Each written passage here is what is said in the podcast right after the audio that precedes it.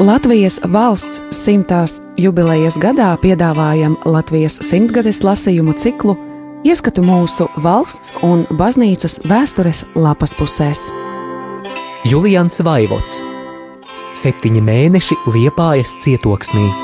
No 1944. gada 9. oktobra līdz 1945. gada 9. maijam.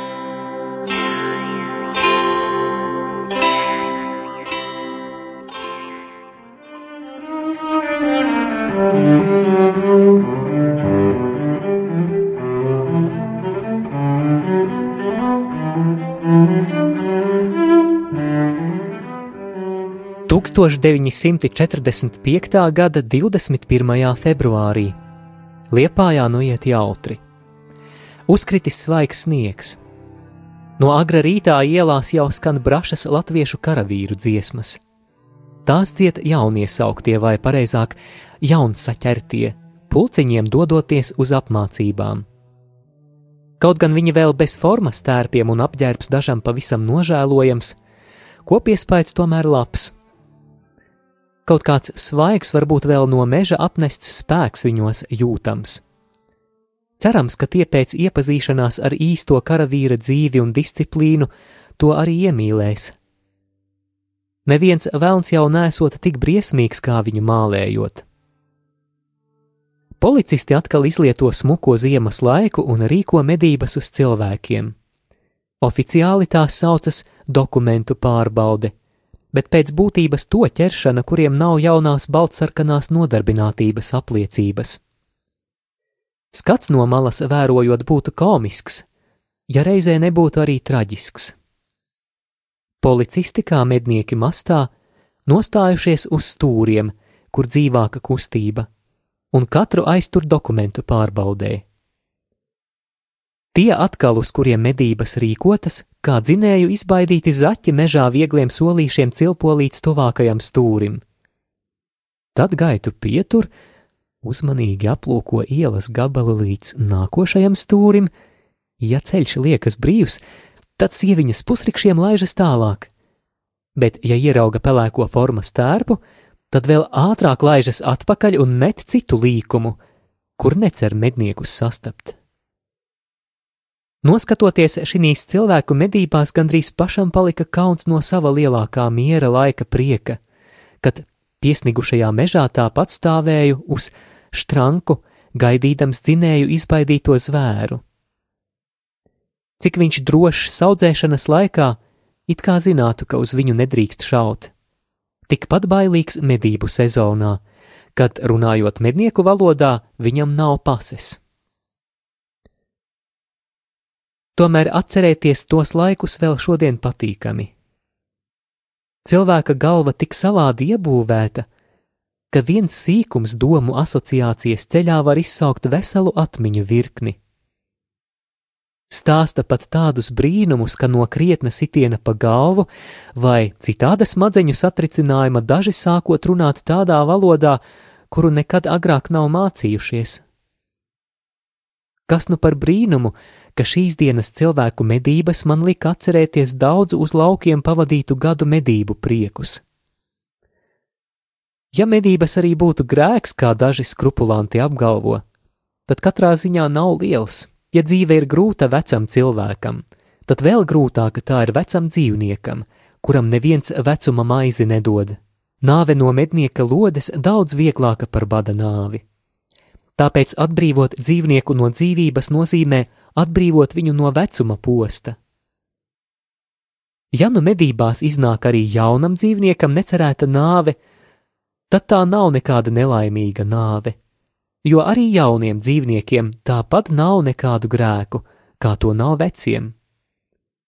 Ar nāvi izbeidzas visas grūtības, toties medniekam lielum lielais prieks, un to mazo grēku tikpat patīkami atcerēties kā lielos un ka tos patīkami atcerēties, par to liecina sen izdaudzinātā vecās krievietes bikts. Kā zināms, pareizticīgie nemēdz visos sīkumos savus grēkus garīdzniekam sūdzēt, Tāpēc pēdējais ļoti izbrīnījies, kad kāda sirma vecene sāka gari stāstīt un vēl par tādām lietām, kādas viņas gados nemēdz notikt. Uz garīdznieka jautājumu, kad tas viss noticis, vecene atbildējusi, ka jau sen, apmēram pirms kādiem 50 gadiem, bet patīkami tomēr to esot atcerēties. Varbūt šis nostāsts ir vienkārša izdoma, bet viņš izteica īstu patiesību. Vecās dienās vienīgais prieks katram atcerēties to, ko jaunās viņš kā prieku ir pārdzīvojis. Saprotams, ka jaunu dienu prieki visiem nav vienādi, tāpēc arī atmiņas dažādas, bet katram savas ir mīļas. Tūkstoš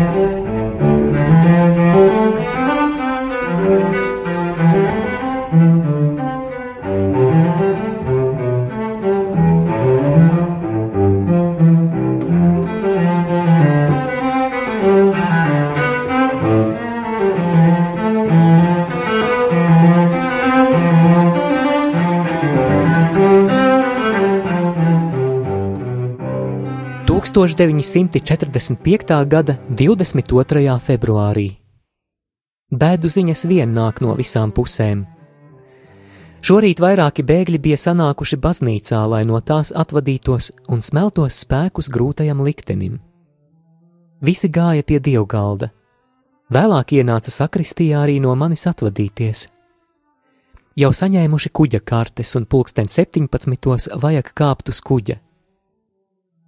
Biju ļoti pārsteigts par šo ziņu, jo bēgļu izvešana uz Vāciju bija pārtraukta, un ceļa apstākļi liekas vēl nav uzlabojušies. Uz manu iebildumu, ka uz Vāciju tagad neizved, viņi paskaidroja, ka jau iepriekšējā dienā kādi 50 izbraukuši. Viņus laikam pievienojot karaspēka transportiem. Kāda jauna māte ar asarām acīs skatās uz saviem diviem bērniņiem – kuri kā bikli stirnēni stāv, tai pieķērušies katrs pie savas rokas. Arī man gribējās vai balsī raudāt, iedomājoties visas ceļa grūtības tik vārgiem kuģa pasažieriem. To bildi, kāda tēlojas acīs, ja ar kuģi notiktu kāda nelaime, grūti bez asarām iedomāties. Vēl tikai pirms pāris dienām pilsētā klīda baumas, ka pēdējos krievu uzlidojumos daži kuģi esot stipri bojāti vai pat nogremdēti. Iedomājieties tikai tādu apmēram triju gadu mazuli jūras viļņos saucam mamma, mamma. Bet ja Dievs viņus arī pasargās no tādas nelaimes, tad cik reizes tomēr mātei nebūs jādzird savu bērniņu izmisuma raudas, iekams nokļūs līdz ceļa mērķim kur un kad tie pašreizējos apstākļos atradīs puslīdz mierīgu stūrīti, kāds tādiem vārguļiem nepieciešams, lai tie baudītu kaut mazumiņu tā visa, kas viņu gados bērniem pienākas. Lielai jābūt cilvēka vainai dieva priekšā, ja pat nevainīgiem bērniem, kuri, kā teica, tikai dvēseli dievam parādā, tik daudz jācieš.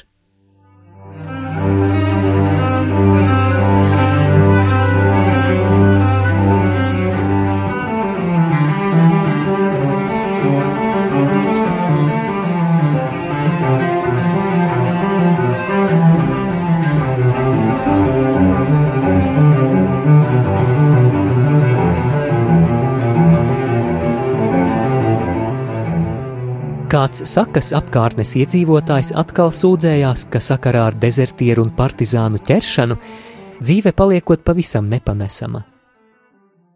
Šo akciju izvedot krievu brīvprātīgie vlasovieši, un viņiem latvieši esot sveša tauta.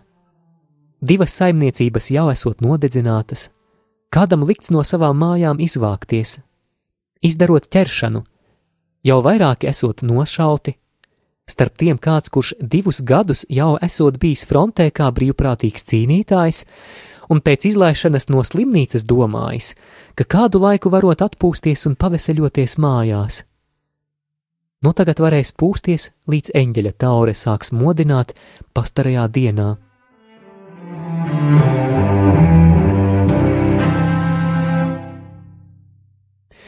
Šodien mani gaidīja vēl viens nervu pārbaudījums Pēc dievkalpojuma pienāca kāda 80-gadīga vecīte un sāka stāstīt savas bēdas. Viņa dzīvojot divatā ar meitu, kura palikusi tik nervoza, ka kuru katru dienu varot palikt vājprātīga un pat izdarīt pašnāvību, jo naktīs lūkojot pagatavot valgu, ar ko pakārties. Lai aizejot pie viņām un lūkojot meitu nomierināt. Lai gan man šodien nebija brīva laika, arī atmosfēriski apstākļi tādi, ka kuru katru brīdi var sagaidīt uzlidojumu, tāpēc tālāk no mājām laisties nav nekāda prieka, Tomēr vajadzēja iet, jo no saviem 25 gadiem mācītāja prakses zinu, ka tādi gadījumi ar nervozām sievietēm var tiešām traģiski beigties. Vēl tikai pirms pāris gadiem tādai nervozitātei par upuri krita dievoticīga sieviete, noindējoties ar gāzi. Viss sākās no niekiem. Viņas mājā dzīvojusi kāda ebreju ģimene, un pēc tās likvidēšanas mājas saimniece bija iedomājusies, ka viņa atbildīga par palikušo dzīvokļu iekārtu. Vajadzēja notikt nelaimē, ka kādā naktī daļa mantu bija nozakta, un numinētai sievietei sākās paniskas bailes no atbildības par nozudušām mantām. Turpinājās tās dažus mēnešus, ar katru dienu pieaugot spēkā. Nekāda skaidrošana un drošināšana nelīdzēja.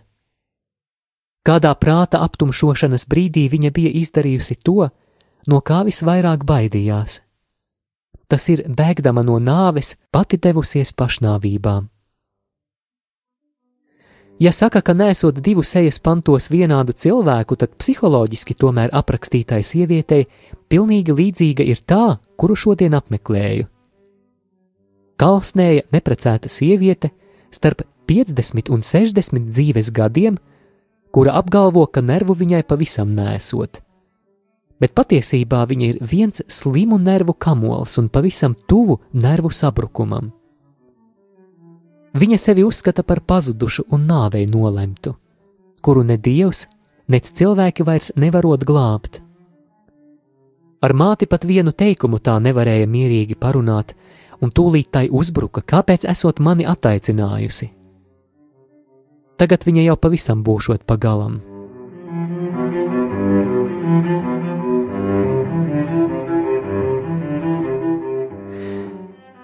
Lai saprastu nelaimīgās stāvokli, sāku izjautāt, kā tas viss ir sācies. Arī to viņa nedrīkstot nevienam teikt, bet pēc garākas liekšanās tomēr pastāstīja. Viņām, kā jau šīs laikos nevienam nevajadzīgām sievietēm, esot noņemta elektrība kas tur liekas būtu sevišķs. Arī man kā karam nevajadzīgam cilvēkam tāpat savā laikā tika izslēgta elektrība. Es jau agrāk kaut kur minēju, ka vācieši varot katru vinnēt arī bez mācītājiem. Bet atradās arī tādi, kas arī mācītājus atzīst par cilvēkiem, un pateicoties tiem, man elektrību atkal pieslēdza pati fabrika. Bet par manām šīs dienas klientēm apžēlojies kāds vācu karavīrs, jo mājiņai logi izbiruši, tādēļ aizsisti ar dēļiem, un pieslēdzis viņu mājiņu tieši pie staba ārpus skaitītāja. Nezinu, kas ir izdarījis lāča pakalpojumu, un to, ka mājā elektrība deg, bet skaitītājs nekustas, iztēlojas nervozajai sievietei kā noziegumu, par kuru draud nāves sots. No tās dienas jau vairāk nekā mēnesi šī doma viņu neatstājot ne dienā, ne naktī. Šodien viņa jau pārliecināta, ka dzīvo pēdējo dienu virs zemes, jo nesot aizgājusi tranšeju darbos. Darbā viņa arī esot nederīga, jo neprotot tik labi strādāt kā citas, un tā vien liekoties, ka kādu dienu viņu tur iegrūdīšot bedrē un aprakšot. No visa var saprast, ka pastāvīgais tranšeju darbs vismaz pa daļai arī vainīgs pie nelaimīgās pašreizējās veselības stāvokļa un elektrība ir devusi tikai vajadzīgo dzirksteli degšanai labi sagatavotā vietā. Bet viņas veselības stāvoklis ir tiešām bīstams. Šī cilvēka nervozitāti nav iespējams aprakstīt vārdiem. Kad es pateicu, ka nosvētīšu viņu dzīvokli, sieviete sāka kliegt un skraidīt pa istabu kā negudra. Kamēr es dzīvokli svētīju, viņas māte nometusies ceļos lūdzās. Beigās arī slimā nometās ceļos, bet vaimanāja un rāpoja pa grīdu kā evaņģēlijā notēlotie vēlna apsēstie. Cik ilgi viņas nervi vēl izturēs, nezinu. Ja būtu agrākie laiki, tūlīt viņu vajadzētu ievietot nervu slimnīcā. Bet tagad tādas slimnīcas liekas nemaz nav, un vispār Kas tagad tādu sievieti pieņems slimnīcā nervozitātes ārstēšanai? Ja vēl viņai būtu lausta kāja vai roka, tad var būt. Kaut gan viņa kā cilvēks vispār ir beigta. Ar tādu kaiti vēl rīt pat viņa tālāk raksta tranšēju grāvjus, kā to darījusi līdz šim.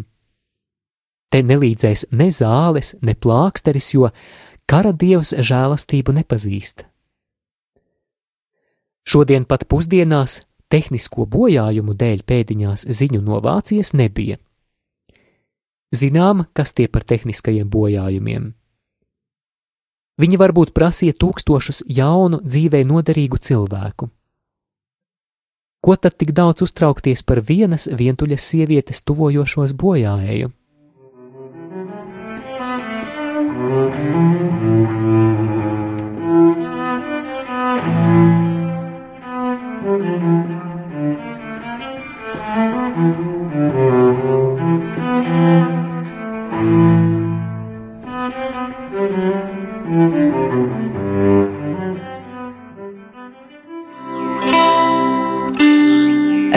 Radio Marija Latvija ēterā Latvijas simtgadēji veltīti lasījumi. Julians Vaivots Septiņi mēneši liepājas cietoksnī. No 1944. gada 9. oktobra līdz 1945. gada 9. maijam.